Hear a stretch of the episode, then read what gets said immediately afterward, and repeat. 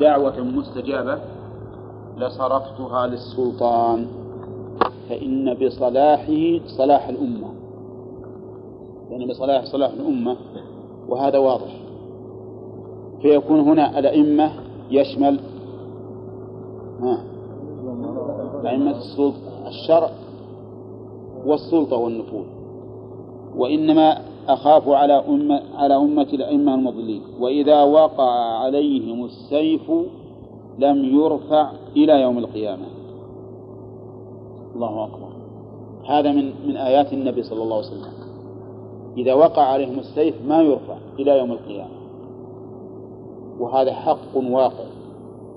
فإنه لما رفع لما وقع السيف في هذه الأمة ما رفع. ما زال بينهما القتال. نعم. وت... و منذ قتل الخليفة الثالث عثمان رضي الله عنه والشر قد انفتح. وصارت الأمة يقتل بعضهم بعضا ويهلك ويسبي بعضهم بعضا ويهلك بعضهم بعضا. ثم قال وإنه سيكون في أمتي كذابون ثلاثون. آه، نعم.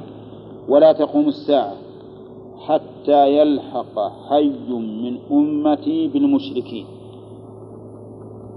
حي بمعنى قبيلة. يلتحقون بالمشركين. وهل المراد الالتحاق البدني بمعنى أن يذهبوا إلى المشركين ويدخلون فيهم أو اللحوق الحكمي أو الأمران؟ يشمل لكن أقلهما اللحوق الحكمي بمعنى أن يشركوا وهم في أوطانهم وهل هذا وقع أو لم يقع ها؟ وقع مثل ها؟ إيه؟ وخلافة أبي بكر في الردة إذا قلنا أنه يشمل ما, ما وقع في خلافة أبي بكر أبي بكر وما بعده من أصناف الكفرة والمشركين فهنا كلمة حي من أمتي. هل يكون المراد به الجنس أو حي واحد من الأحياء؟ على تفسيركم إياها يكون مراد الجنس. يعني حتى يلحق أحياء من أمتي بالمشركين أما إذا قلنا إنه واحد فهذا لابد أن يكون حيا أن يكون هذا الحي حيا له قيمته ووزنه بحيث أنه إذا التحق بالمشركين صار له أثره في الأمة الإسلامية. ويصير المراد حي أي واحد. حي واحد. لكن هذا الحي يكون له أثر وأهمية كبيرة بحيث يتبين ويظهر. وعلى هذا فلا نخرج عن ظاهر اللفظ. ما نخرج عن ظاهر اللفظ. يعني بمعنى أن يقال مثل هذه القبيلة العظيمة كلها ارتدت وكفرت. هذا سيكون له أثر بالغ. نعم. وربما يكون هذه الجملة لها صلة بالتي قبلها. يكون لهذا الحي إمام يزيغ والعياذ بالله ويفسد فيتبعه كل الحي.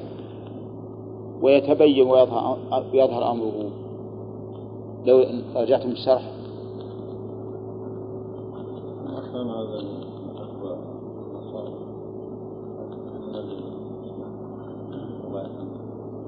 صالح الأسدي ها؟ في رواية قبائل ها؟ في رواية قبائل حتى يلحق قبائل وين عندك؟ في رواية الأنبر قوله ولا هذا منه من؟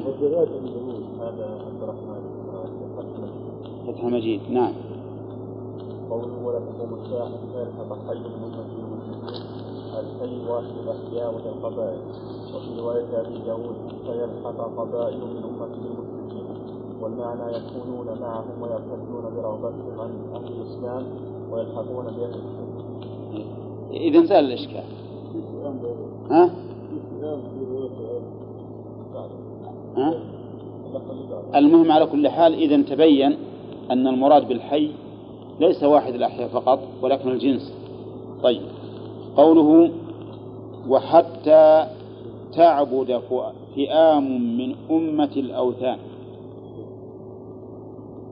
قول صلى الله عليه وسلم ولا تقوم الساعة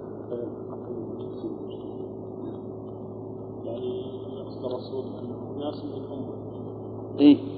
ما يعارض هذا قوله ألا يسلط عليهم عدوا من سواء فيستبيح وليش؟ هذه مسألة وهذه مسألة. ولكن العدو لا يكون من نفس المسلمين. بس هذا لا أشركوا ولا سلطوا أشركوا وكفروا ولا سلطوا ما في أنهم سلطوا.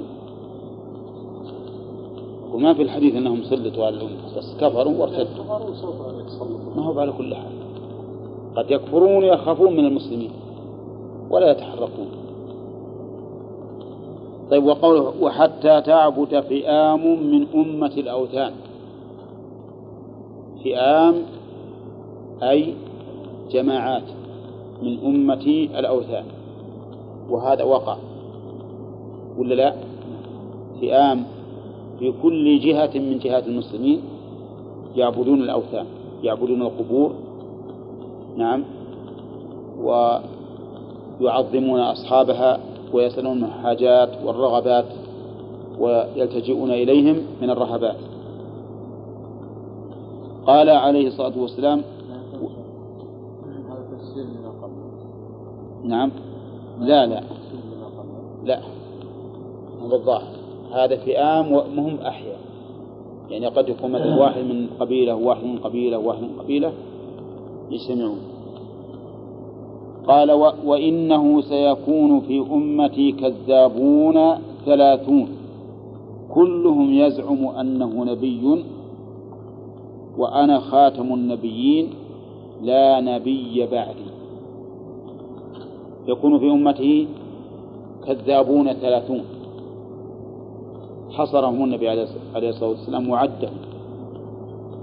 كلهم يزعم أنه نبي. أوحي إليه. وهم كذابون لأن النبي صلى الله عليه وسلم خاتم النبيين ولا نبي بعده. فمن زعم أنه نبي بعد الرسول عليه الصلاة والسلام فهو كافر. حلال الدم والمال. ومن صدقه في ذلك فهو أيضا كافر حلال الدم والمال. وليس من المسلمين ولا من أمة محمد عليه الصلاة والسلام. ومن زعم أنه أفضل من محمد وأنه يتلقى من الله مباشرة ومحمد صلى الله عليه وسلم يتلقى من الله بواسطة الملك فهو أيضا كافر. حلال الدم والمال. وقوله كذابون ثلاثون هل ظهروا؟ ظهر بعضهم وبعضهم منتظر. ظهر بعضهم وبعض لأن الرسول عليه الصلاة والسلام ما حصرهم في زمن معين. المهم أنه لا تقوم الساعة حتى يوجد هؤلاء. فما دامت الساعة لم تقم فهم منتظرون. و وقوله عليه الصلاة والسلام ولا تزال طائفة من أمتي على الحق منصورة لا يضرهم من خذلهم ولا من خالفهم حتى يأتي أمر الله تبارك وتعالى. لا تزال طائفة الحمد لله هذه من نعمة الله. لما ذكر أن حيا من الأحياء أو قبائل يلتحقون بالمشركين وأن فئاما يعبد الأصنام. وأن أناسا يدعون النبوة. فيكون هنا الإخلال بالشهادتين. وهما ها شهادة أن لا إله إلا الله بالشرك وشهادة أن محمد رسول الله بادعاء النبوة. لما بين هذا وذلك أصل التوحيد. أصل بل أصل الإسلام. أصل الإسلام شهادة أن لا إله إلا الله وأن محمد رسول الله. لما بين ذلك ما جعل الناس ييأسون. قال ولا تزال طائفة من أمتي. طائفة أي جماعة. على الحق منصورة. على الحق جار ومجرور هي خبر؟ تزال. وقول منصورة خبر ثان ويجوز أن تكون حالا. فالمعنى أنه لا تزال على الحق وهي كذلك أيضا منصورة. لا يضرهم من خذلهم ولا من خالفهم. وفي هذا الدليل على أنه سيوجد من يخذلهم لكنه لا يضرهم. ومعنى يخذلهم أي لا ينصرهم ويوافقهم على ما ذهبوا إليه. ولكن هذا لا يضرهم. لأن الأمور بيد الله. وقد قال النبي عليه الصلاة والسلام واعلم أن الأمة لو اجتمعوا على أن يضروك بشيء لم يضروك إلا بشيء قد كتبه الله عليك. فلا يمكن أن يضرهم أحد. ولا كذلك من خالفهم لا يضرهم لأنهم منصورون بنصر الله. والله عز وجل إذا نصر أحدا ما استطاع أحد أن يذله. وقول حتى يأتي أمر الله تعالى ما هو أمر الله؟ الكوني ولا الشرعي الكون. وذلك عند قيام الساعة عندما يأتي أمر الله سبحانه وتعالى بأن تقبض نفس كل مؤمن حتى لا يبقى إلا شرار الخلق فعليهم تقوم الساعة. الشاهد من هذا الحديث إذن رواية البرقان وهو قول حتى يلحق حي من أمة بالمشركين ويعبد فئام من أمة الأوثان وهذه الطائفة المنصورة أين تكون؟ ها؟ ما حدد موضعها فتشمل جميع بقاع الأرض في الحرمين في الشام في العراق في غيرها من الأماكن. المهم أن هذه الطائفة مهما نأت بها الديار فهي طائفة واحدة منصورة على الحق لا يضرهم من خذلهم نعم. بعض السلف تصويرهم هذا الحديث صحيح. لا مو صحيح. لكن في الحقيقة أنه ما هنا حق إلا باتباع الحديث. إنما إذا أريد أهل الحديث المصطلح عليه الذين يأخذون الحديث رواية ودراية وأخرج منهم الفقهاء وعلماء التفسير وما أشبه ذلك فهذا ليس بصحيح. لأن يعني حتى علماء التفسير والفقهاء الذين يتحرون اتباع الدليل هم في الحقيقة ليسوا من أهل الحديث ولا يختص بأهل الحديث صناعة لأنكم كما تعرفون العلوم الشرعية تفسير وحديث وفقه وتوحيد فالمقصود أن كل من كان تحاكمه إلى الكتاب والسنة فهو من أهل الحديث بالمعنى العام. بالمعنى العام غالبا ما يتعرضون للخذلان؟ من؟ ما يتعرضون؟ للخذلان. حتى غيرهم ما يتعرضون. متمسكين بالكتاب والسنة ما يتعرضون. ما حد يخذلهم. لأنهم على حق. على على ما وجد من السلف. قال إذا لم يكن أهل الحديث فلا يعني إذا لم يكن أهل الحديث من هؤلاء فلا أدري.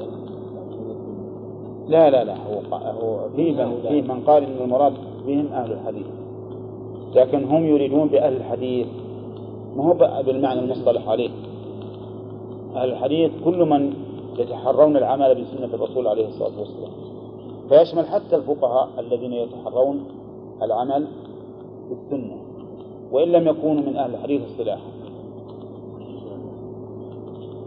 من تاب هل يكون هؤلاء؟ ولا بد يثبت ظاهر الحديث الإطلاق. ظاهر الحديث أنه مطلق. يزعم أنه نبي ولو تاب فإذا كان عند الحصر يزيدون على الثلاثين بهؤلاء الذين تابوا علمنا أنه غير مراد. نعم. خلل في عقله لا لخلل في عقله ما ما يعتبر هذا مدعي ولا يقال إنه كذاب. قال هذا مجنون. ولا يعد. ولا يعد منهم. يقين. يقين. لأن الجنين ما, ما له قصد. وقال الرسول كلهم يزعم مثل على القصد. والمجنون لا قصد له.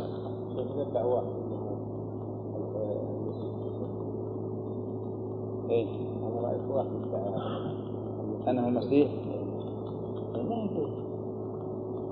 واجد يعني عند التيجانية يقولون إن إنه التيجاني هذا إنه اتصل بالله عز وجل وأخذ الو- الوحي الذي نعم هذا أعظم هذا أعظم من ادعاء النبوة. لأن النبي هو الذي يوحى إليه بواسطة ال- الرسول الملكي. دولة أعظم منه. يقول هذا يتلقى من الله مباشرة محمد صلى الله عليه وسلم يتلقى بواسطة ها؟ جبريل يقول الله لم يقول هذا الأنبياء يتلقون من من.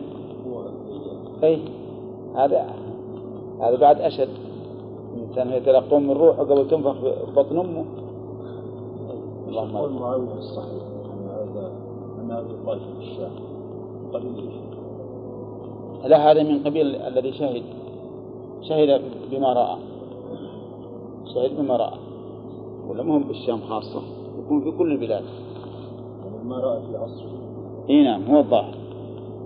طبق تفسير ما رأى في عصر وهم ربما يكون مثلا في بعض الأحيان ينحصرون في, في مكان معين. نعم.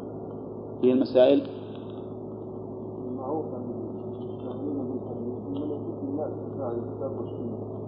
إيش؟ أقول معروف عن المشتغلين بالحديث نعم. هم ملكة الناس بعد الكتاب والسنة. ما في شك. وحد رد على أهل البدع إيه ما في شك. لا المحدثين والفقهاء حتى حتى أهل الفقه عندهم. هذا اللي شيخ الإسلام ابن تيمية مثلا ما يع- ما يعتبر اصطلاحا من المحدثين. ها؟ يقول عدد ابن كثير رافع أهل الحديث. من. بس اصطلاحا ما هو ما يعتبر من, هؤلاء اصطلاحا ولا هو نعم هو را- رافع راية الحديث. ما في شك وم- ومجاهد وم- ومناضل. الإمام أحمد رحمه الله تنازعه طائفتان. أهل الفقه قالوا إنه فقيه وأهل الحديث قالوا إنه محدث. نعم. وهو إمام أهل السنة وإمام أهل الحديث وأهل الفقه. هو إمام في الفقه وإمام في التفسير وإمام في الحديث رحمه الله. المهم أننا نقول أهل الحديث ما يخص أهل الحديث اصطلاحا أهل الحديث كل من تمسك بسنة النبي صلى الله عليه وسلم. سواء كان عند الناس من الفقهاء أو من أهل الحديث الذين يعتنون به. ولا شك أن أقرب الناس للتمسك بالحديث هم الذين يعتنون به. نعم. نعم. شيخ بالنسبة لله القيد ولا تزال يعني إذا جاء أمر الله يعني لا تكون منصورة. إذا جاء أمر الله وما أشرنا إليه قبل قليل إنها الروح التي الريح التي تقبض نفسها كل ممكن فإذا قبضت الأرواح إذا قبضت لا لا. المعنى أنه أنهم يبقون إلى آخر وجودهم منصورين. فإذا عدموا ما ما يقال منصورين ولا مخذولين ماتوا.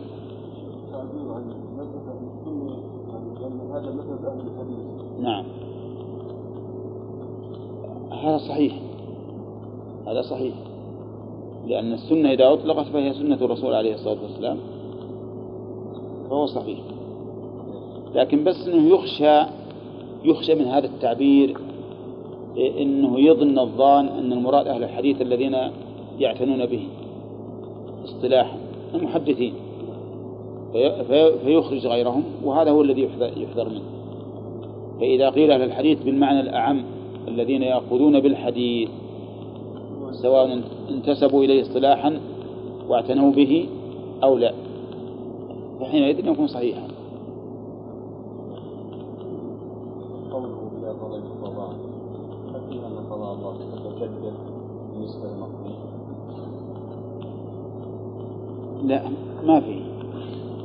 ما في لأنه إذا قضيت قضاء حتى في فيما مضى في علم الله الأزلي. يعني الأمور المقضية الأمور المقضية نوعان. مقضي في العلم هذا سابق ومقضي بإرادة أن يفعل فهذا حادث. فإن الله إذا أراد شيئا قال له كن فيكون. فالقضاء بالعلم الأزلي هذا سابق. مكتوب من قبل. والذي يقضي به إيجادا تتعلق إرادته به عند إيجاده.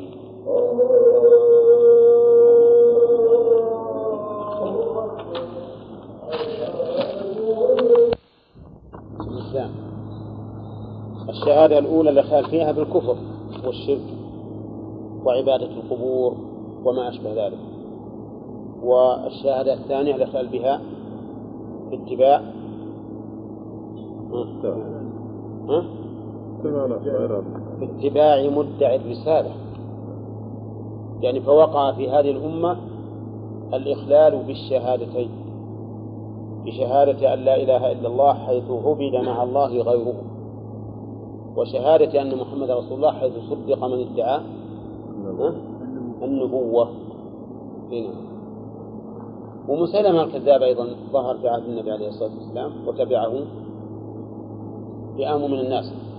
وحصل بينهم وبين المسلمين قتال في خلافة أبي بكر رضي الله عنه. نعم. المختار هذا و...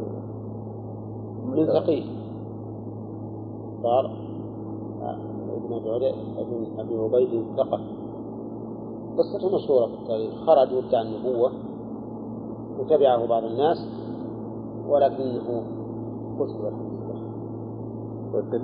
نعم. التاسعة البشارة لأن الحق لا. لا يزول بالقوة كما زال فيما نعم. لا يزول؟ بالقوة. لا بالكلية. لا عدل. ها؟ صحيح. لا يزول بالكلية.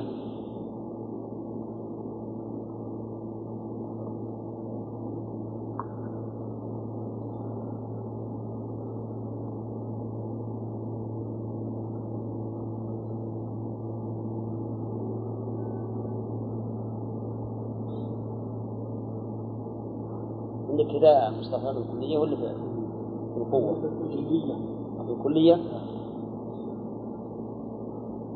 نعم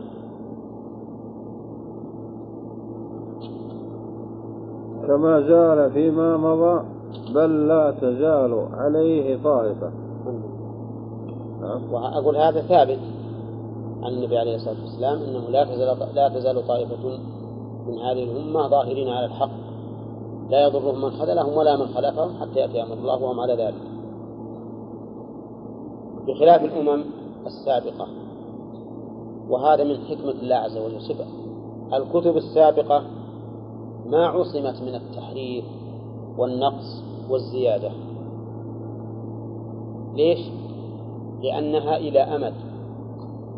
وسيأتي بعدها من كتاب الله ما يبين الحق. لكن القرآن عصم من ذلك ولا لا؟ عصم لأنه ما جاء بعد الكتاب بين الحق للناس. فصار معصوما من التحريف إنا نحن نزلنا الذكر وإنا له لحافظون. لأنه لو كان بيأتي بعد الكتاب يبين الواقع لكان قد يقع فيه التحريف. أما الكتب السابقة فإنه جاء الكتاب وبين أن فيها تحريفا ونقصا. وزيادة. فهمتم؟ أم هو واضح ها؟ واضح. كذلك هذه الأمة النبي عليه الصلاة والسلام بعث إلى الناس عامة. فلا يمكن أن يزول دينه بالكلية. لأنه لو زال دينه بالكلية ما بقي مبعوثا إلى الناس عامة. ولهذا بقي إلى أن تقوم الساعة. لا تزال طائفة من أمتي على الحق ظاهرين نعم. العاشرة الآية العظمى أنهم مع مع قتلهم. مع قلته مع قلتهم. حتى قبل اللام عندك ولا عقبة؟ لا بعد الله بعدها؟ ها؟ بعد الله بعد اللام. نعم. مع قلتهم. لا يضرهم من خذلهم ولا من خالفهم. الحادية طيب وش الآية الأولى؟ كيف؟ لأن أكثر الناس ضده أكثر الناس ضدهم هذا الصواب ومع ذلك ما يضرون لكن يتأذون به ولا ما يتأذون؟ ها؟ يتأذون ولا يلزم من الأذية الضرر ما يلزم من الأذية الضرر فآكل البصل إذا دخل المسجد يؤذي الملائكة ولكن لا يضرهم. والذين يؤذون الله ورسوله يحصل منهم أذية لله ورسوله ولكن الله لا يضره ذلك وكذلك النبي صلى الله عليه وسلم. فهؤلاء الطائفة التي تبقى لا شك أنهم يتأذون من مخالفة الناس لهم لأنهم يودون الخير لكل مسلم. ولكن ذلك لا يضرهم ولا ينقص من حق من الحق الذي معهم. يعني أن حقهم ما يمكن يزول سيبقى ويثبت ويرسخ أمام الباطل ولا يتضرر. نعم. نعم. إن الذين يؤذون الله ورسوله لعنهم الله في الدنيا والآخرة. فأثبت أن وقال الحديث القدسي الصحيح يؤذيني ابن آدم يسب الدهر. نعم. نعم. الاستثناء منقطع هنا. الاستثناء هنا منقطع. يعني لا يضركم شيئا. وفي الحقيقة أن أن الأذى فيه مضرة لكن مه مضرة. في الحقيقة الإنسان المتأذي ما يكون عنده شيء من الانبساط. ما في شك. فهذا نوع من الضرر إذا قلنا أن الاستثناء متصل وإلا فهو منقطع. نعم. الحادية عشرة أن ذلك الشرط إلى قيام الساعة. الثاني وش هو الشرط؟ لا تجامل؟ ولا يضرهم ما خذلهم ولا من خلقهم إلى قيام الساعة نعم. الثانية عشرة طيب تقدم لنا في أثناء الشرح أن فيه إشكالا مع قوله صلى الله عليه وسلم إن الساعة لا تقوم إلا على شرار الخلق. وأجبنا عن ذلك. ها؟ أجبنا عن ذلك بجوابين. نعم الجواب الأول. أن هؤلاء هذه الطائفة ستستمر ثم تأتي الريح فتقبضهم تحت باطن هذا الحديث ثم ثم لا يبقى في الأرض إلا شرار الناس حتى يقال في الأرض. الله الله. وتقوم الساعة طبعا إيه. ما لكن هنا يقول إلى قيام الساعة ظاهرين إلى قيام الساعة. هو يصدق أجبنا بجوابين يا أخوان. نبي الشيء مركز. الجوابين قلنا المراد قرب قيام الساعة. قرب قيام الساعة. لكن لما كان هذا القرب قريبا جدا من الساعة صدق عنه عليه أنه إلى قيامها. طيب. هذا وجه. جواب ثاني.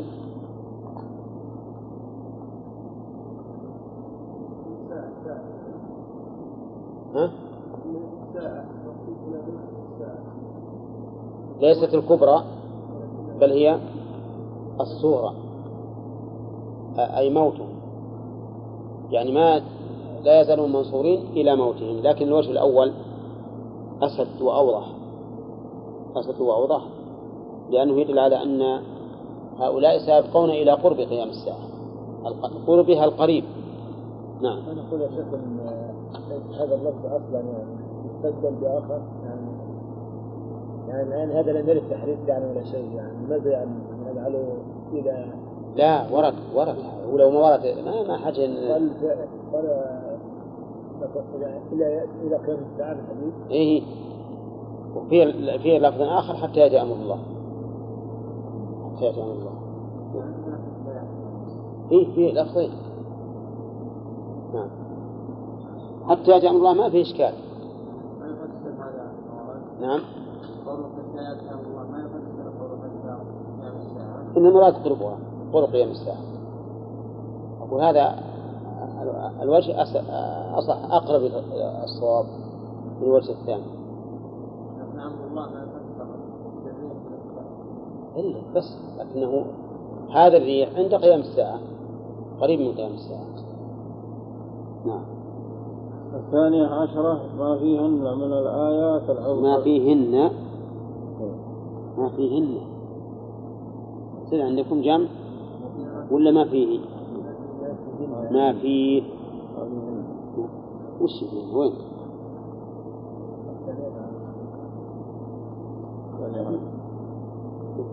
إذا ما فيه ما فيه. ما فيه من يعني في الحديث. ها؟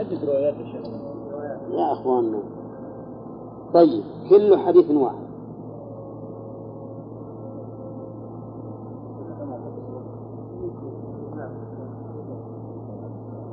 يمكن نفينا الأحاديث والآيات. يلا. نشوف. يلا. لكنه ما فيه الكلام إنه عندنا الحين نسخة. ما هي المسألة انها نعم. الثانية عشرة ما فيهن من الآيات العظيمة منها إخبار بأن إخباره. إخباره بأن الله جواله المشارق والمغارب. وهذا في الآيات. في الآيات ولا لا؟ لا. في حديث أبي سعيد؟ لا. في حديث ثوبان؟ في حديث آخر غير حديث ثوبان وأبي سعيد؟ ها؟ ما في. إذا تعين أن النسخة الصحيحة ما فيه يا رجال. صلح يا غالب صلح. أقول سيأتي بقية الإخبارات فيكون المجموع هو الذي يعود على فيهن. ما فيه. الله أكبر. أنت عندك حمية جيدة النسخة يا أخي كل نسخة لا لا من كل نسخة أعوذ بالله. نعم. خطأ يا شيخ يعني. خطأ خطأ. نعم الصواب ما فيه. نعم. ما فيه من الآيات العظيمة منها إخباره بأن الله جواله المشارق والمغارب وأخبر بمعنى ذلك فوقع كما أخبر بخلاف الجنوب والشمال. نعم. سبحان الله العظيم. هذه من آيات الله من آيات الله الشرعية المطابقة للآيات الكونية. لأن امتداد الأرض من الشرق إلى الغرب لا نهاية له. كله معمول. أولى ها؟ توافقون على هذا؟ ومن الشمال للجنوب؟ لا. عند المدار الم- المدار القطبي يمنع من السكان ومن العمران. ولهذا كانت الأرض معمورة من الشرق الغرب من جميع الجوانب. الله أكبر.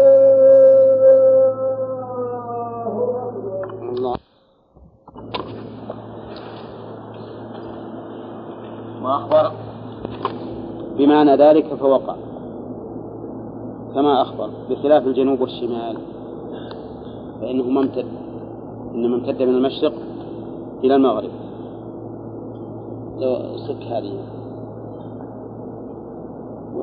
هذه أيضا مفتوحة. أي ودي يقول وإخباره بأنه أعطي الكنزين وحصل هذا ولا لا؟ ها؟ حصل ومنها أيضا إخباره بإجابة دعوته لأمته في الاثنتين وإخباره بأنه منع الثالثة وش دعا النبي عليه الصلاة والسلام؟ لا الله ها؟ لا الله بالشرك نشوف الآن وش اللي سأل يقول يقول إنه سأل أن لا يهلكها بسنة بعامة وأن لا يسلط عليهم عدوا من سوى أنفسهم فيستبيح بيضتهم وإن ربي؟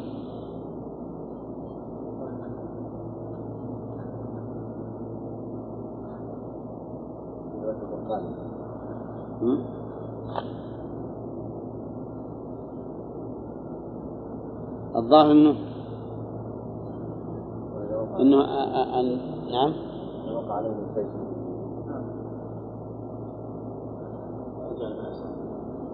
الظاهر انه يقوله حتى يكون يهلك بعضا ويسبي بعضهم بعضا. نعم. اي وهي أنه لا يجعل الله بأسهم بينهم. فإن الرسول عليه الصلاة والسلام ما أعطي هذا. بل بقي بينهم البأس. ولما وقع عليهم السيف ما رفع وكان القتال بينهم دائرا ودائما. لكن دعا فيها الرسول صلى الله عليه وسلم. شبه ولو سمع.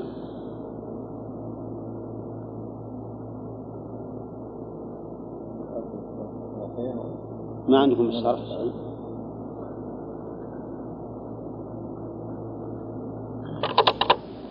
قتال بعضهم بعضا.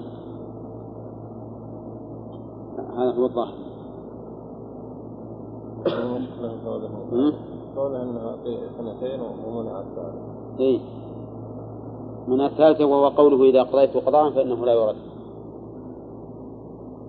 فإنه لا يرد ومنه أن بعضهم يهلك بعضا ويسبي بعضهم بعضا طيب معكم بطالة المدير ها؟ وش يقول؟ ها؟ الثاني عشر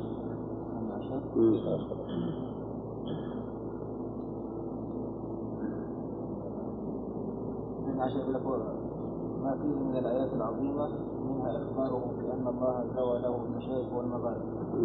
وأخبر بمعنى ذلك ووقع كما أخبر بخلاف بخلاف الجنوب والشمال. وإخباره بأنه وإخباره بأنه بأنه أعطي الكنزين وإخباره بإجابة وإخباره بإجابة دعوته لأمته في الكنزين وإخباره بأنه منع الثالثة وإخباره بوقوع السيف وأنه لا يرفع إذا وقع وإخباره بإهلاك بعضهم بعضا وسبي بعضهم بعضا. هذا هذا هو. طيب الشرح ما شرح حمد غني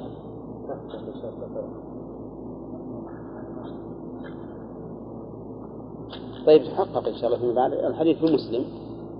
يمكن يراجع النووي ويشاهد نعم. يراجع عصام ومصطفى ومدين. أصحاب المكتبة كأصحاب الصفة. نعم. هو إخباره بوقوع السيف وأنه لا يرفع إذا وقع وإخباره بظهور المتنبئين في هذه الأمة وإخباره ببقاء الطائفة المنصورة. وكل هذا وقع كما أخبر مع أن كل واحدة منها من أبعد ما يكون في العقول. الله الثالثة ولكن ولكن قدرة الله عز وجل فوق العقول فوق ما يتصوره الإنسان. والله تعالى إذا أراد أمرا هيأ أسبابه وقال له كن فيكون. ولكن هذه الأمور من يصدق؟ أن الرسول عليه الصلاة والسلام سوف يفتح كنوز كسرى وقيصر.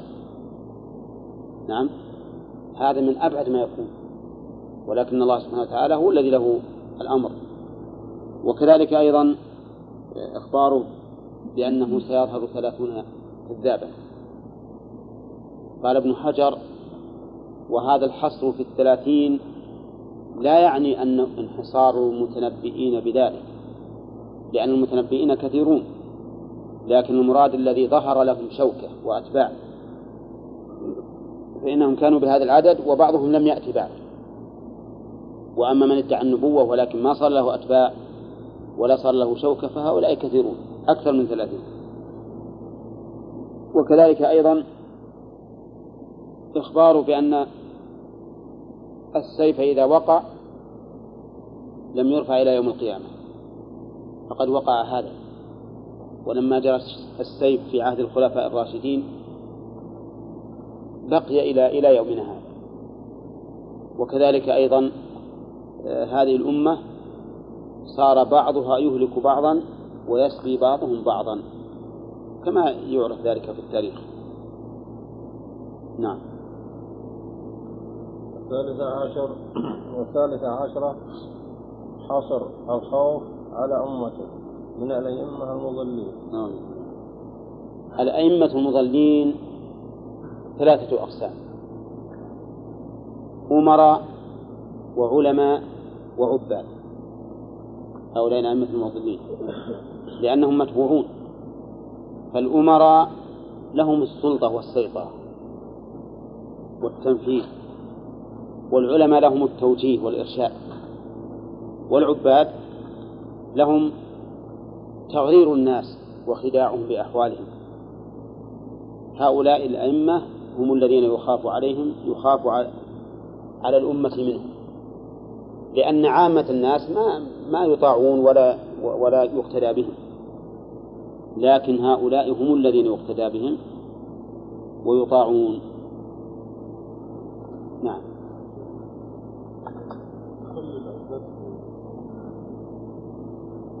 هنا. ولو كان جهل. ولو كان جهل. المهم معنى الإمام. وش معنى الإمام؟ لا يقصد كل من يقتدى به. كل من يقتدى به. لأن الإمام ما يقتدى به. نعم.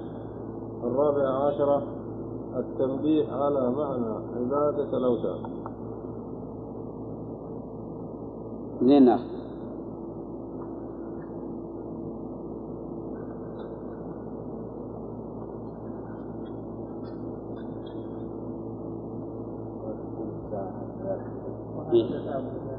وحتى تعبد فئام من أمة الأوثان.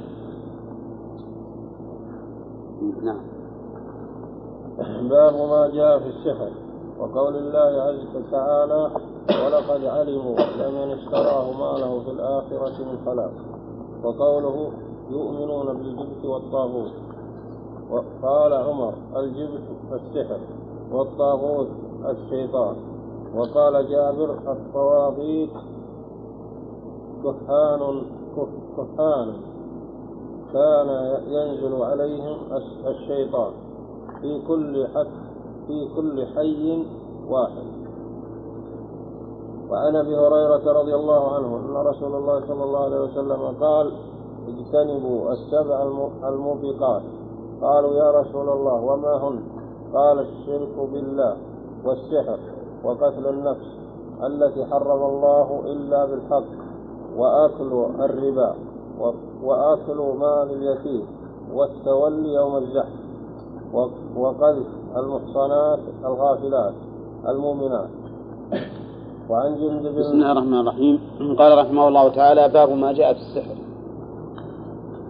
السحر في اللغة عبارة عما خفي سببه ولطف ومنه سمي السحر لآخر الليل. لأن الأفعال التي تقع فيه تكون خفية. وكذلك سمي السحور لما يؤكل في آخر الليل لأنه يكون خفيا. فكل الأشياء الخفية تسمى سحرا. وحتى وقتنا هذا تسمى الأشياء التي يخفى سببها. مثل الملا الألعاب البهلوانية وما أشبه ذلك تسمى سحرا. حتى إن الساعات أول ما ظهرت سميت سحرا لأنه يخفى حركتها وتقديرها للزمن. والآن الكمبيوتر في وقتنا هذا ها؟ سحر لأن لأن سببه خفي. فيها الآن سيارات يقولون لي إنه إيه وذا وأنا فعلا ركبتها. إذا كان الباب ما, ما أغلق تماما يقول لك غلق الباب. ولا بغى ينتهي البنزين يقولون تقول انتبه للبنزين. وما أشبه ذلك. إذا صار المفتاح باقي فيها يقول المفتاح أي غريبة هذه هذه بالحقيقة لو جاءت في الزمن السابق قبل أن نعرف التطور لكان لقالوا هذه شياطين في جوف هذا هذا الحديث. نعم. إنما السحر في اللغة هو هذا. أما في الشرع فإنه ينقسم إلى قسمين. أحدها عقد ورقى يعني قراءات وطلاسم يتوصل بها الساحر إلى استخدام الشياطين بما يريد. والثاني عبارة عن أدوية وعقاقير تؤثر على بدن المسحور على بدنه وعقله وإرادته وميله.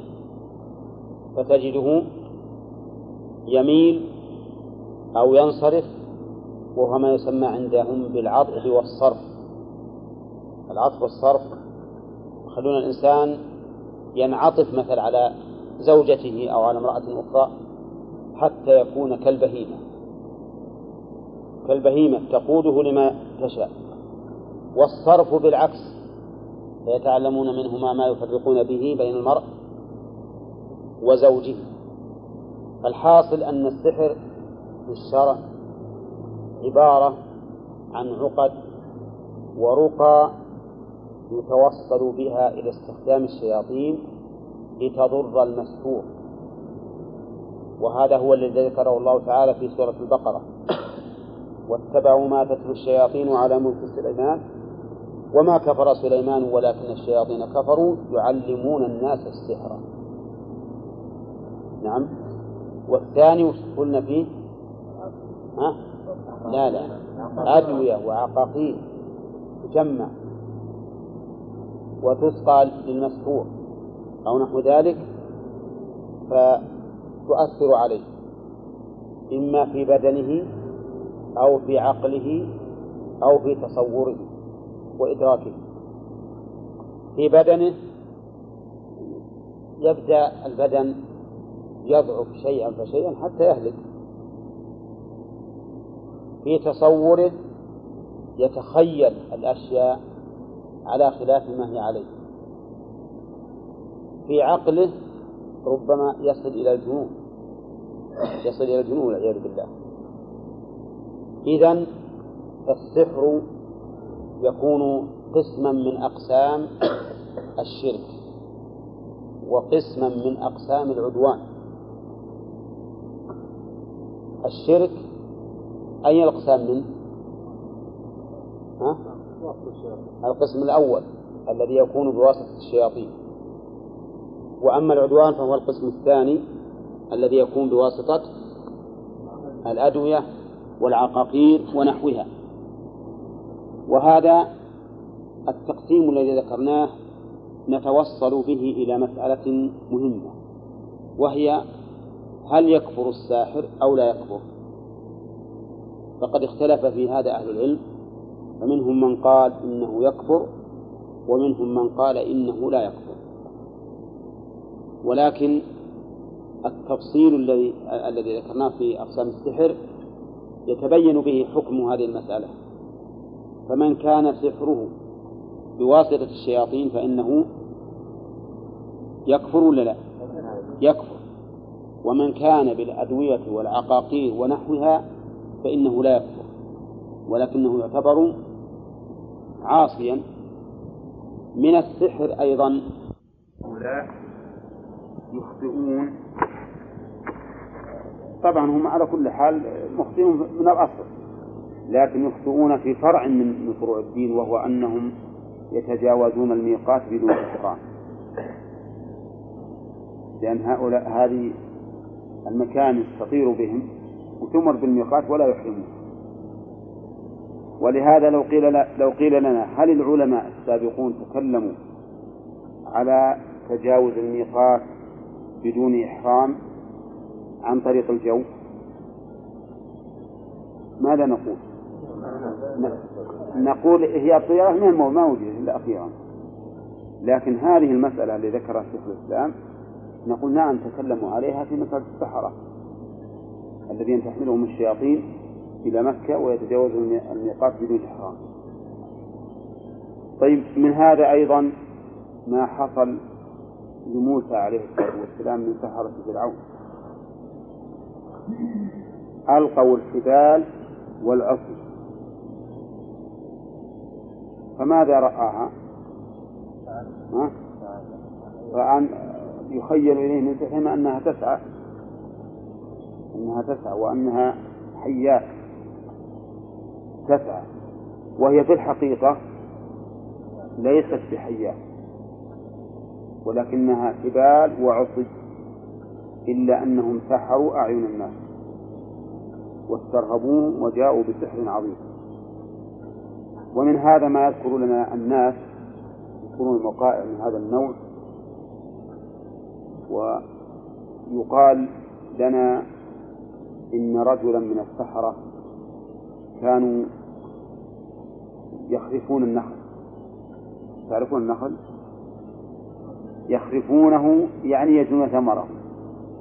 وأنهم قد وضعوا هذا الرطب في قدر.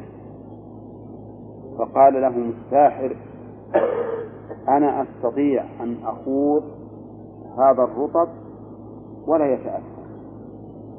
أمشي بوسط القدر ولا يتأثر أبدا. قالوا بس ما هو ما يمكن. قال أنا أوريكم الآن. فأراهم أنه يخوض الرطب وهو يدور من وراء القدر والمحفون يدور بوسطه المهم تعرف هذه حالة غريبة. غدوا وما يصير ما يصير ما يصير. الخراف اللي في النخلة التفت قال تراه يدور من, من, من, من وراء القدر فألقى إليه من السحر. فلما التفت المرة الثانية قال لا صحيح الآن يدور بوسط القدر نعم. ألقى عليه السحر. هذه مشهورة عندنا. فالمهم أن أن السحر يؤثر. بلا شك يؤثر لكنه لا يقلب الأعيان إلى أعيان أخرى. لأنه ما يقدر على قلب الأعيان إلى أعيان أخرى إلا الله عز وجل. إنما يخيل أن هذا الشيء انقلب وهذا الشيء تحرك وهذا الشيء مشى وما أشبه ذلك. قال وقول الله إذا قال قائل ما وجه إدخال باب السحر في كتاب التوحيد. نقول بأن من أقسام السحر ما لا يتأتى غالبا إلا بالشرك. الشياطين ما هي تخدم الإنسان بدون في الغالب ما تخدمه إلا بمصلحة.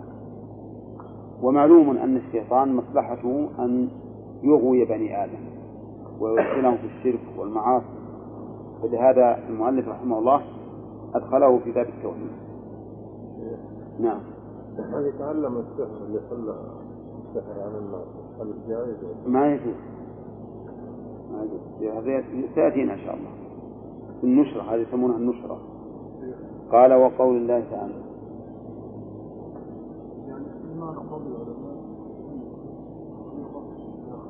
إيه.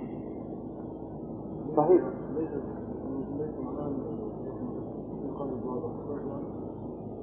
والعلماء اختلفوا هل هو حقيقة ولا خيال والصحيح أنه حقيقة لكنه باعتبار قلب الأشياء خيال ولا هو مؤثر الآن؟ مؤثر. ولهذا قال الله سحروا أعين الناس. فجعلها الأعين مسحورة متأثرة. لكن هل إن العصي والحبال هل هي متغيرة حقيقة؟ ها؟ لا لكن تخيلا. فهو في الحقيقة مؤثر وغير مؤثر. من جهة أنه أن المسحور يرى الشيء الساكن متحركا ويرى الشيء على غير على غير وجهه هذا تأثير حقيقي. ومن جهة أن العيان باقي على ما هي عليه هذا تخييل بالنسبة لهذا نعم.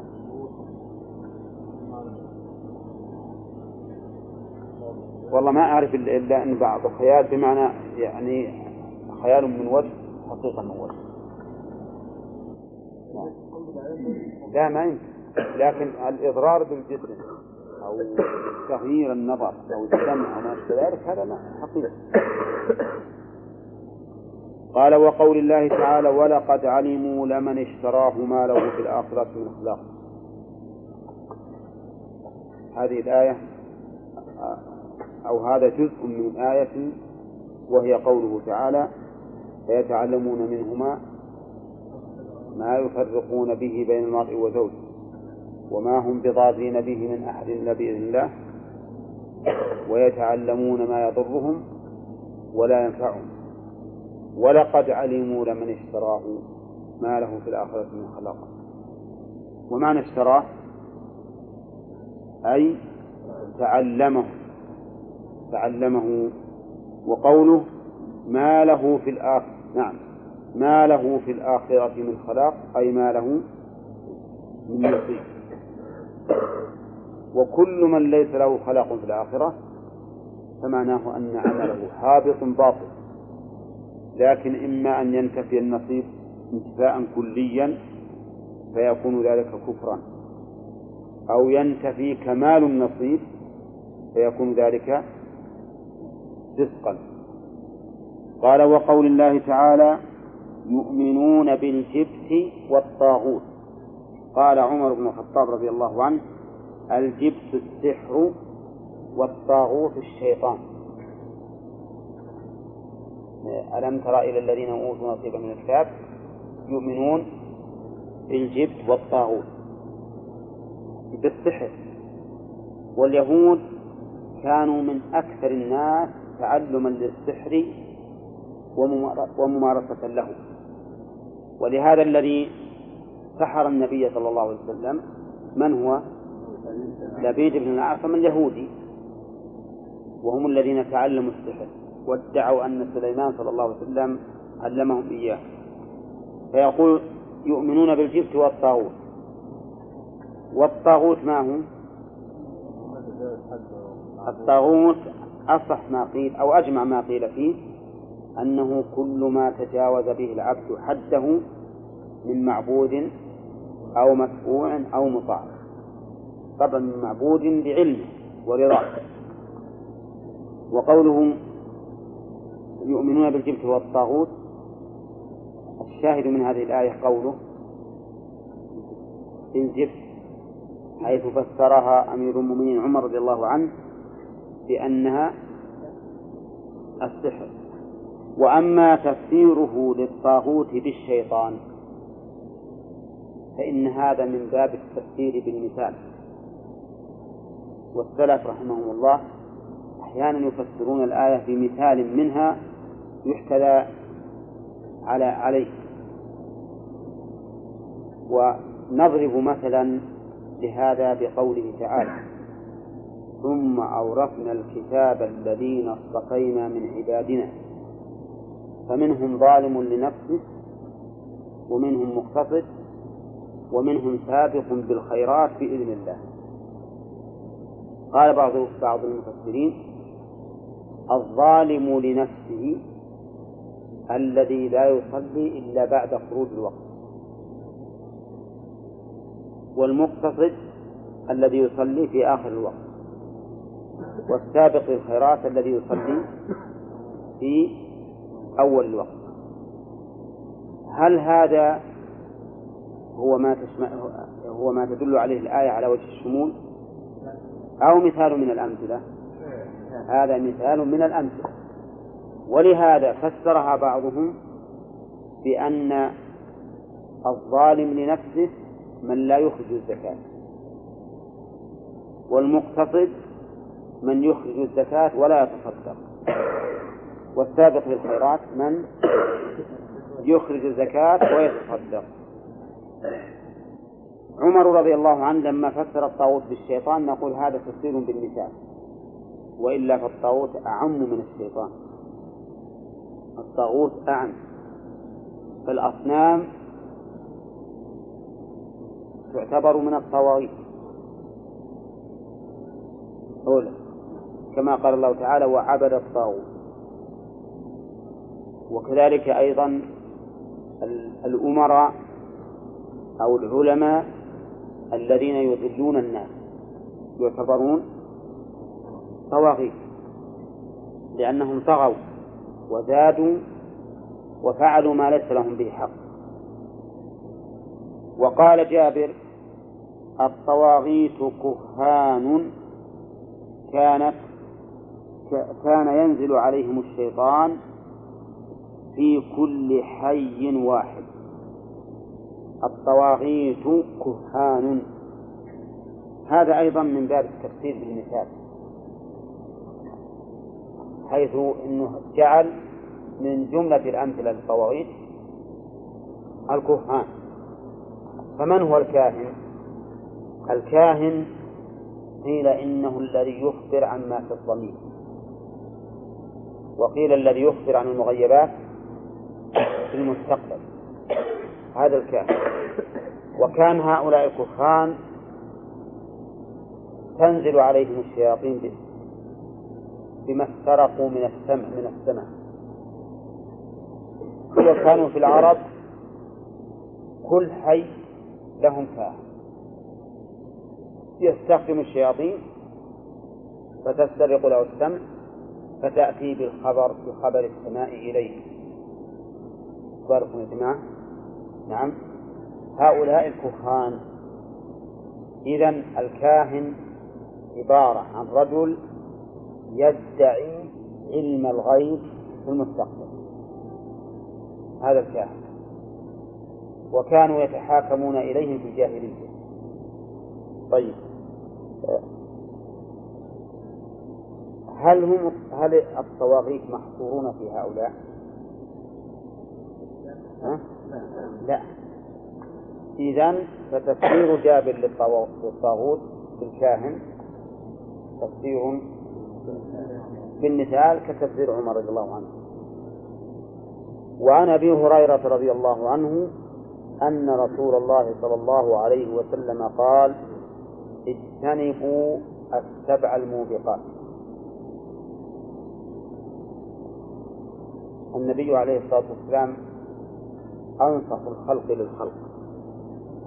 كل شيء يضر الناس في دينهم ودنياهم يحذرهم منه. ولهذا قال اجتنبوا.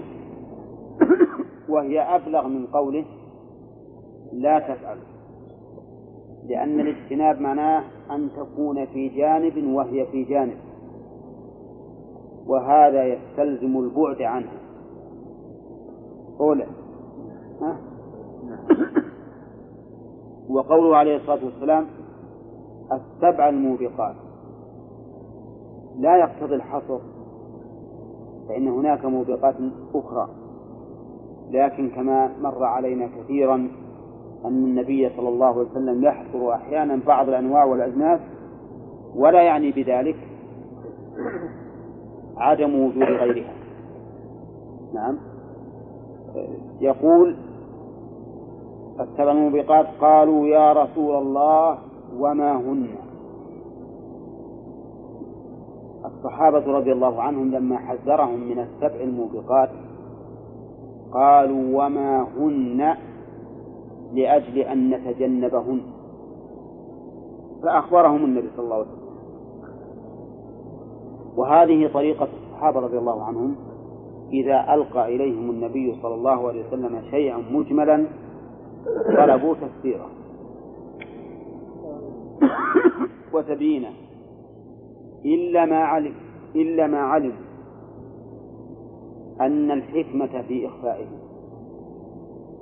ولهذا بناء على على هذه القاعدة أن الصحابة أحرص الناس على العلم وأن النبي صلى الله عليه وسلم إذا ألقى إليهم شيئا مبهما طلبوا منه تفسيره وتبيينه بناء على هذا حاول بعض الناس أن يصحح حديث سرد الأسماء التسعة والتسعين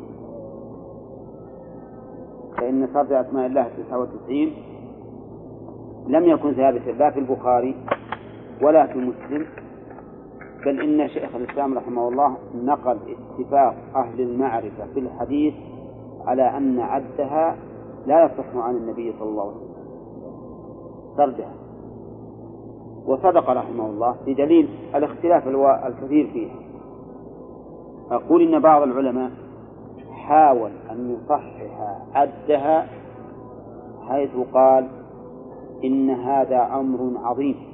كل من أحصاها دخل الجنة لا يمكن للصحابة أن يفوتوه فلا يسألوا عن تعيينها. فدل هذا على أنها قد عينت من قبل الرسول عليه الصلاة والسلام. ولكن جوابنا على هذا بسيط. وش الجواب؟ ها؟ لا. هم يقولوا لابد إنها معينة. ما يمكن الرسول ما يعينها لأنها مهمة وحتى لو سكت لطلب الصحابة رضي الله عنهم بيانها نقول نقول إن هذا لا يلزم. ولو كان الأمر كما قلت لكانت هذه الأسماء التسعه والتسعين معلومة للعالم أشد من علم الشد ولا ولا ولا ولا نقلت في البخاري ومسلم وغيرها لأن هذا مما تدعو الحاجة إليه وتلحه بحفظه والعناية به. فكيف لا يأتي إلا عن طرق واهية وعلى صور مختلفة. ثم نقول هذه ساعة الجمعة.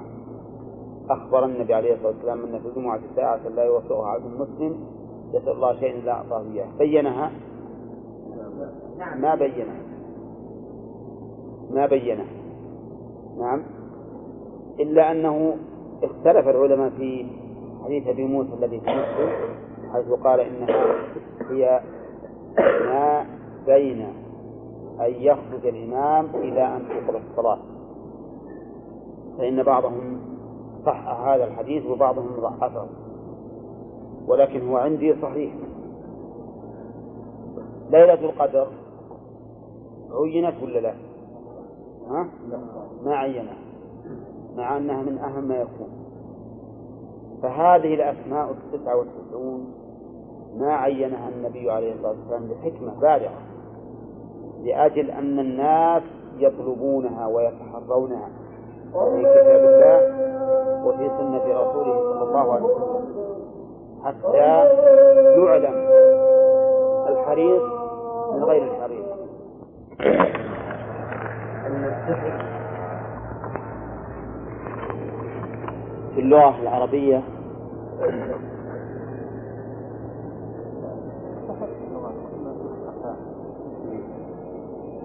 ما خفي ولطف سببه.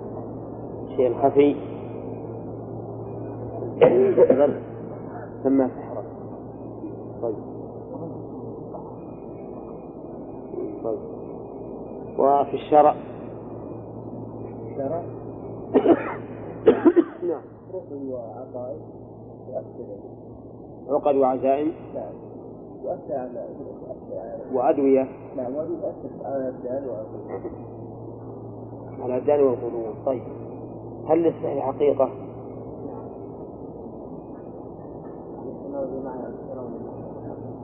طيب مش الدليل نعم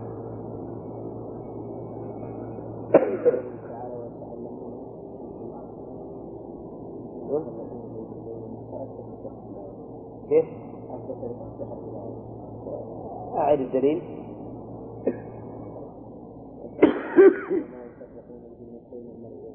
نعم. يتعلمون منه ما يفرقون فيه بين المرء وزوجه. طيب.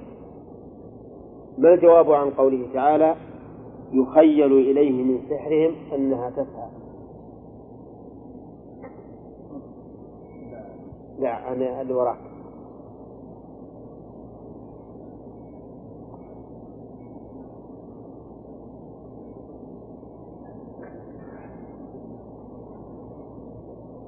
من يعرف الجواب؟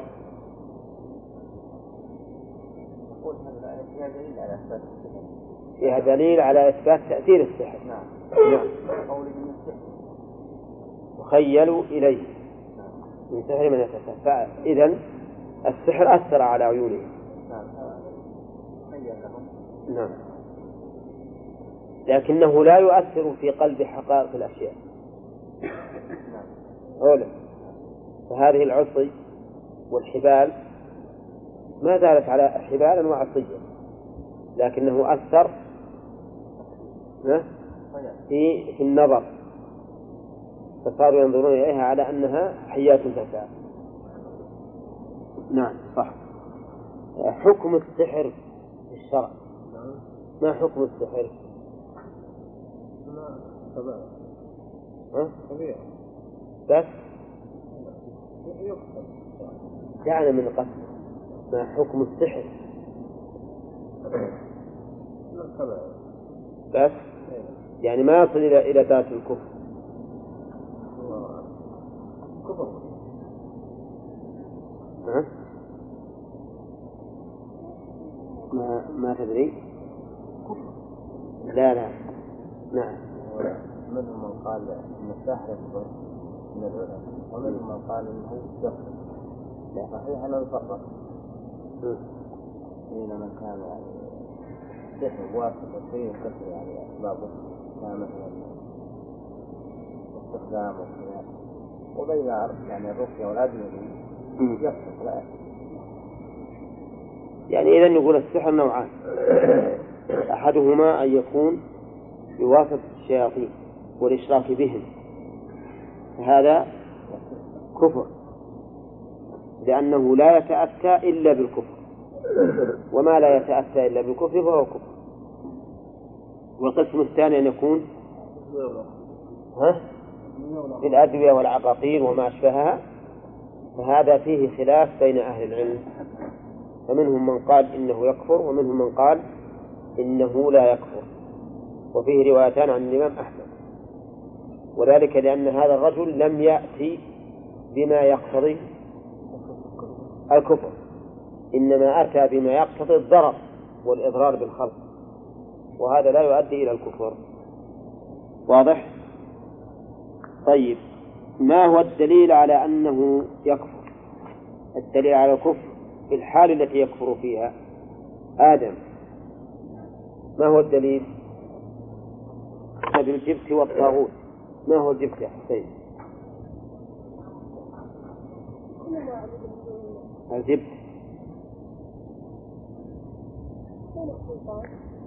إيه.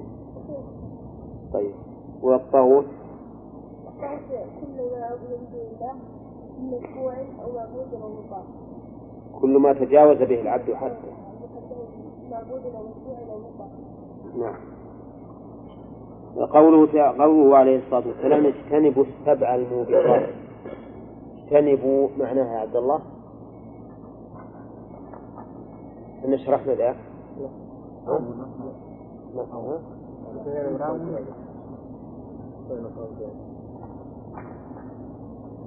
عجيب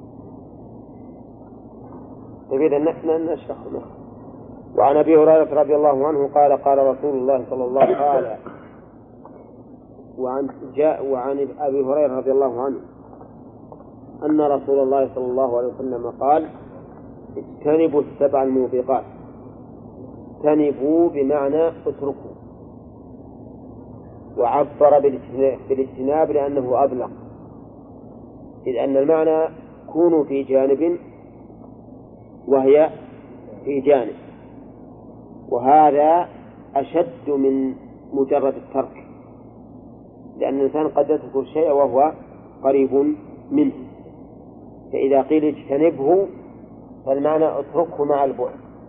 اتركه مع البعد. وقول عليه الصلاة والسلام السبع الموبقات. هذا ليس ليس على سبيل الحصر.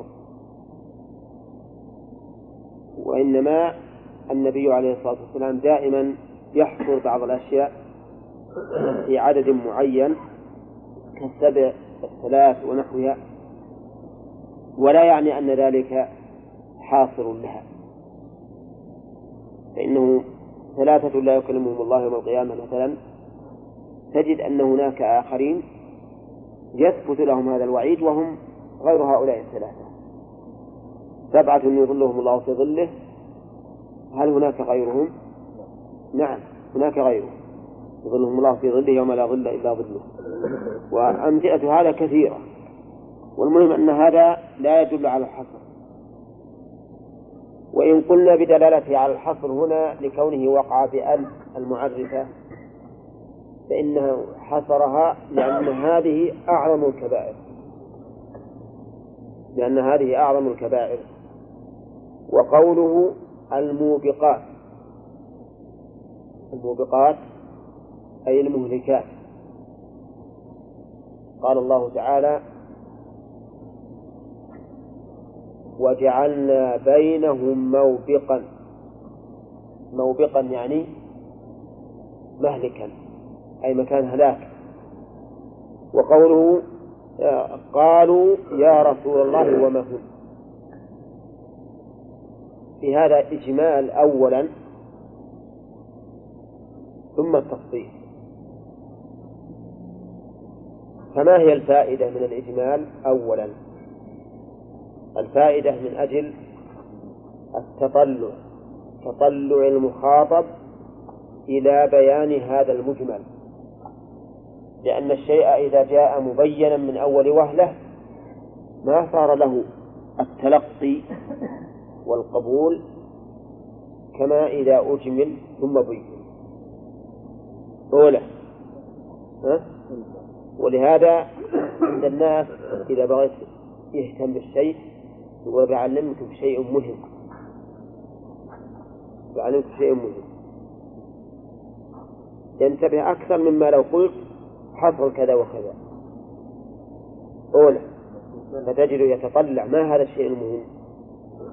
فلما قال اجتنبوا السبع الموبقات تطلع الصحابة رضي الله عنهم إلى هذه السبع المهلكة التي أمر النبي عليه الصلاة والسلام باجتنابها. قالوا يا رسول الله وما هن؟ ما اسم استفهام مبتدأ. وهن خبر مبتدأ. هن خبر مبتدأ. نعم. وقال بعض المعرفين بالعكس. هن مبتدأ مؤخر. وما خبر مقدم وجوبا ولا جوازا؟ ها؟ وجوبا لماذا؟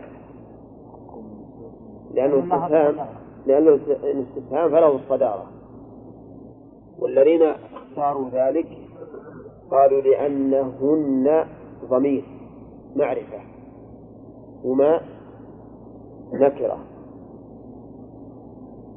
والمعروف والقاعدة المتبعة أنه يخبر بالنكرة عن المعرفة ولا عكس. فيجعلون مثل هذا التركيب يجعلونه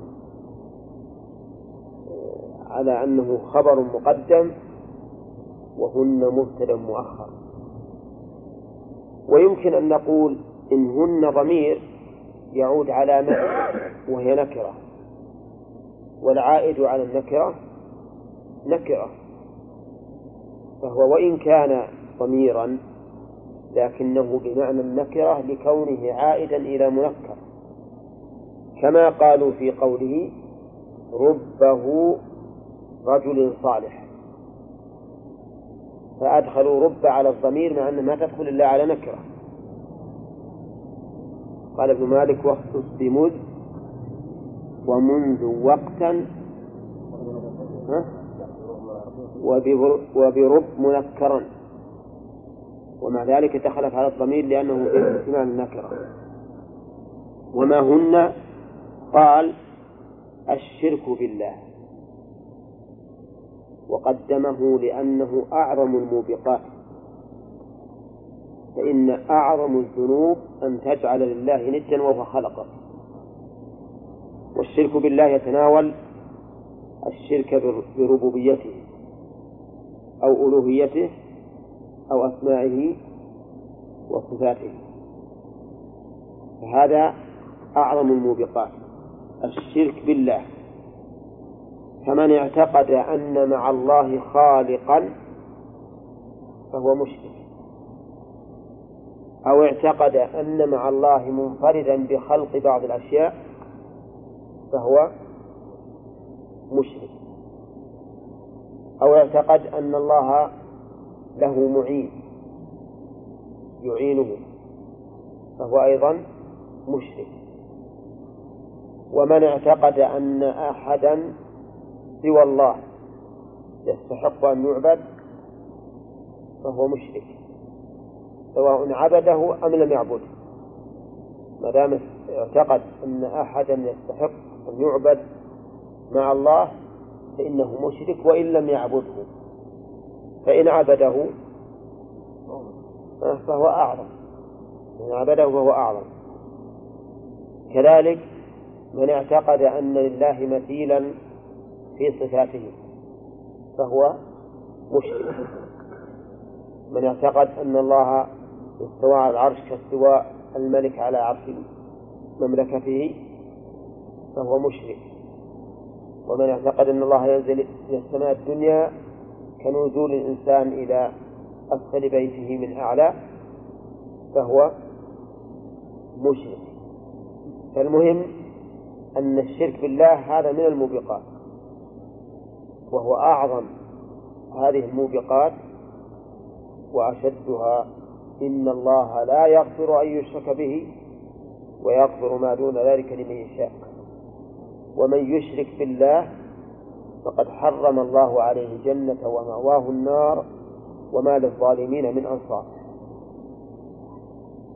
وقد بين الرسول عليه الصلاة والسلام أن هذا من أعظم ما يكون من الجناية والجرم. فقال أن تجعل لله ندا وهو خلقك. الذي خلقك أوجدك وأمدك وأعدك ورزقك كيف تجعل له ندا؟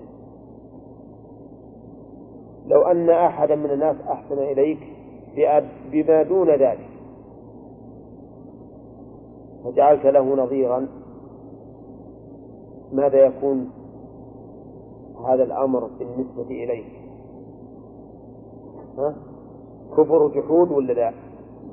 يكون كفرا وجحودا.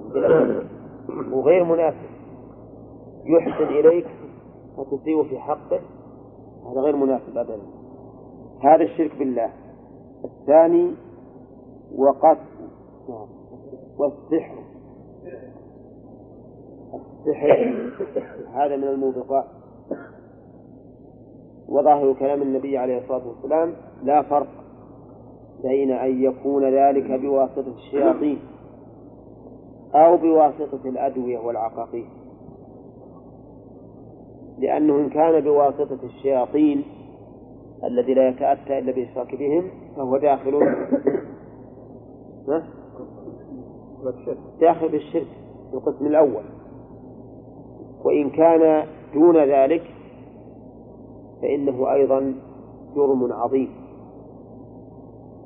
لأن السحر والعياذ بالله من أعظم ما يكون من الجناية على بني آدم لأنه يقلق المسحور. ويفسد عليه أمر دينه ودنياه.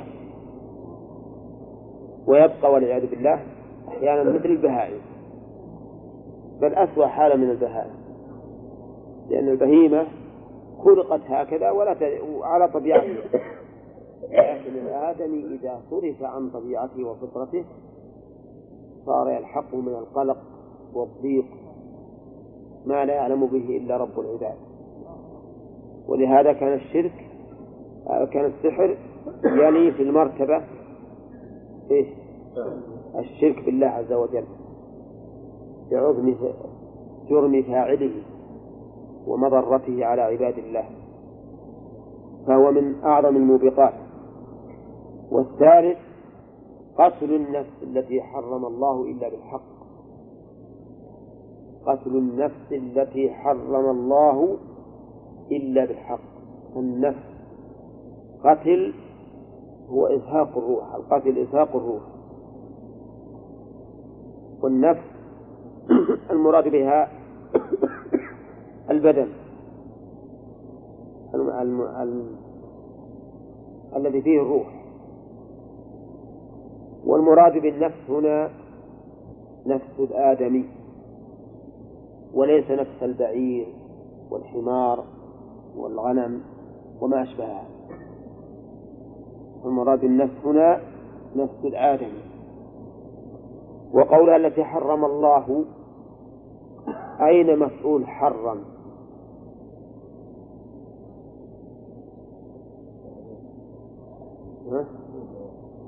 محذوف وش التقدير؟ نعم. التي حرم الله أي حرم قتلها. ويجوز أن يكون التقدير حرمها الله التي حرمها الله وأيا كان فالعائد على الموصول محذوف ولا لا؟ ها؟ العائد على الموصول محذوف ها؟ طيب وقوله حرم الله حرم قتلها أو حرمها إلا بالحق إلا بالحق أي بالعدل. لأن هذا حكم. وقد ذكرنا فيما سبق أن الحق إذا قيل بإزاء الأحكام فالمراد به العدل إلا بالعدل. العدل هو ما أمر الله به ورسوله. إن الله يأمر بالعدل. أولا ما هي النفس المحرمة. نفس المؤمن والذمي والمعاهد والمستأمن أربعة أنفس هذه المحرمة. أما المؤمن فلإيمانه. وأما الذمي فلذمته. والمعاهد لعهده. والمستأمن لتأمينه. مستأمن لتأمينه. طيب ما الفرق بين الثلاثة؟ المؤمن واضح الفرق بينه وبين غيره واضح. ما الفرق بين الثلاثة؟ الفرق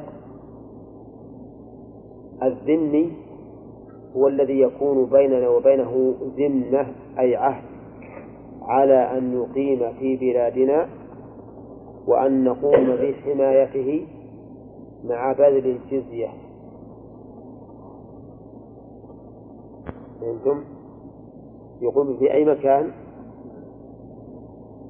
في أي مكان في بلادنا. وعلينا حمايته وعليه بذل الجزية. هذا الذنب أما المعاهد فهو يقيم في بلاده.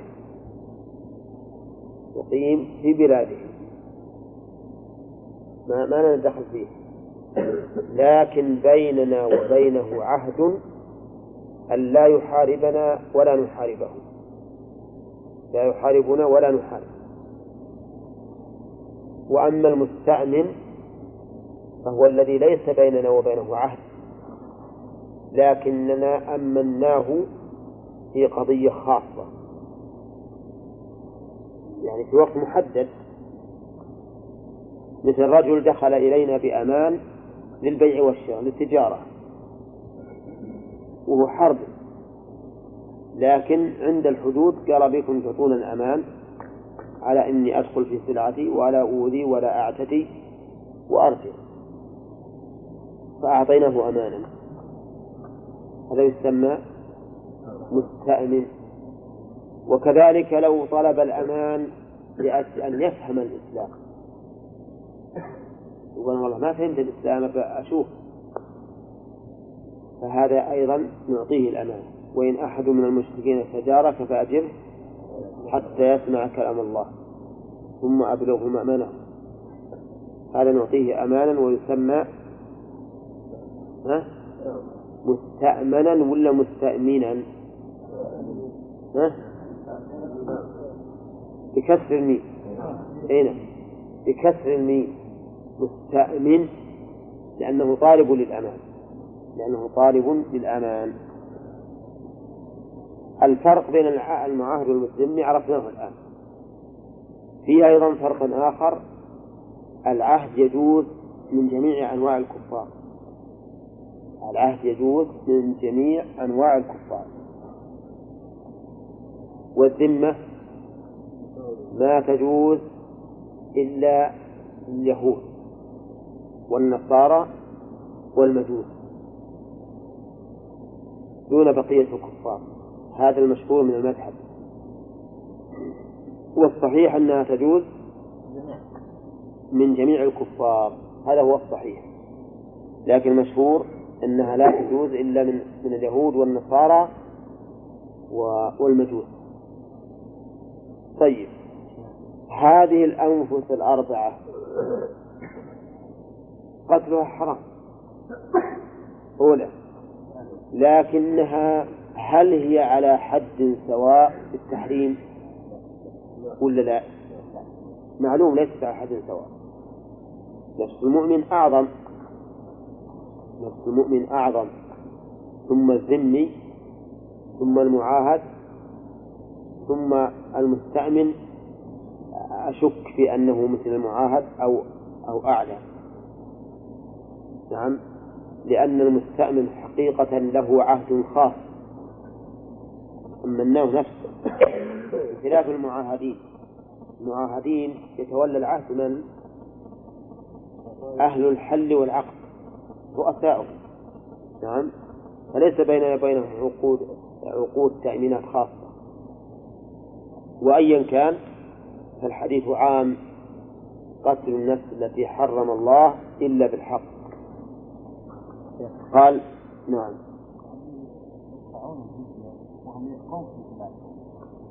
النصارى إيه. الظاهر أنهم يعتبرون بين بين. بالنظر إلى بقائهم في بلادهم ما علينا حمايتهم ها؟ إيه إذا فتحناها. صارت بلاد المسلمين عندنا عزيز ما أنا ما أعرف. إن كان مفتوحة فلا إشكال. فهي بلاد مسلمين. ولا فيها إشكال يمكن يدفعون هناك تحقق فيها تحقق. يعني بعد ما فتحناها وصالحناهم على أن يبقوا فيها في بلاد الإسلام. ما وصلوا ها؟ وقت يعني على كل حال حققوها وانظروا فيها. قال وأكل الربا. أكل الربا. الربا في اللغة الزيادة. وفي الشرع تفاضل بين أشياء ونفع في أشياء. يعني يشمل فضل وتأخير. فالربا في اللغة الزيادة. ومنه قوله تعالى فإذا أنزلنا عليها الماء اهتزت وربت. يعني زادت أما في الشرع فهو عبارة عن تفاضل في أشياء حرم الشرع التفاضل فيها.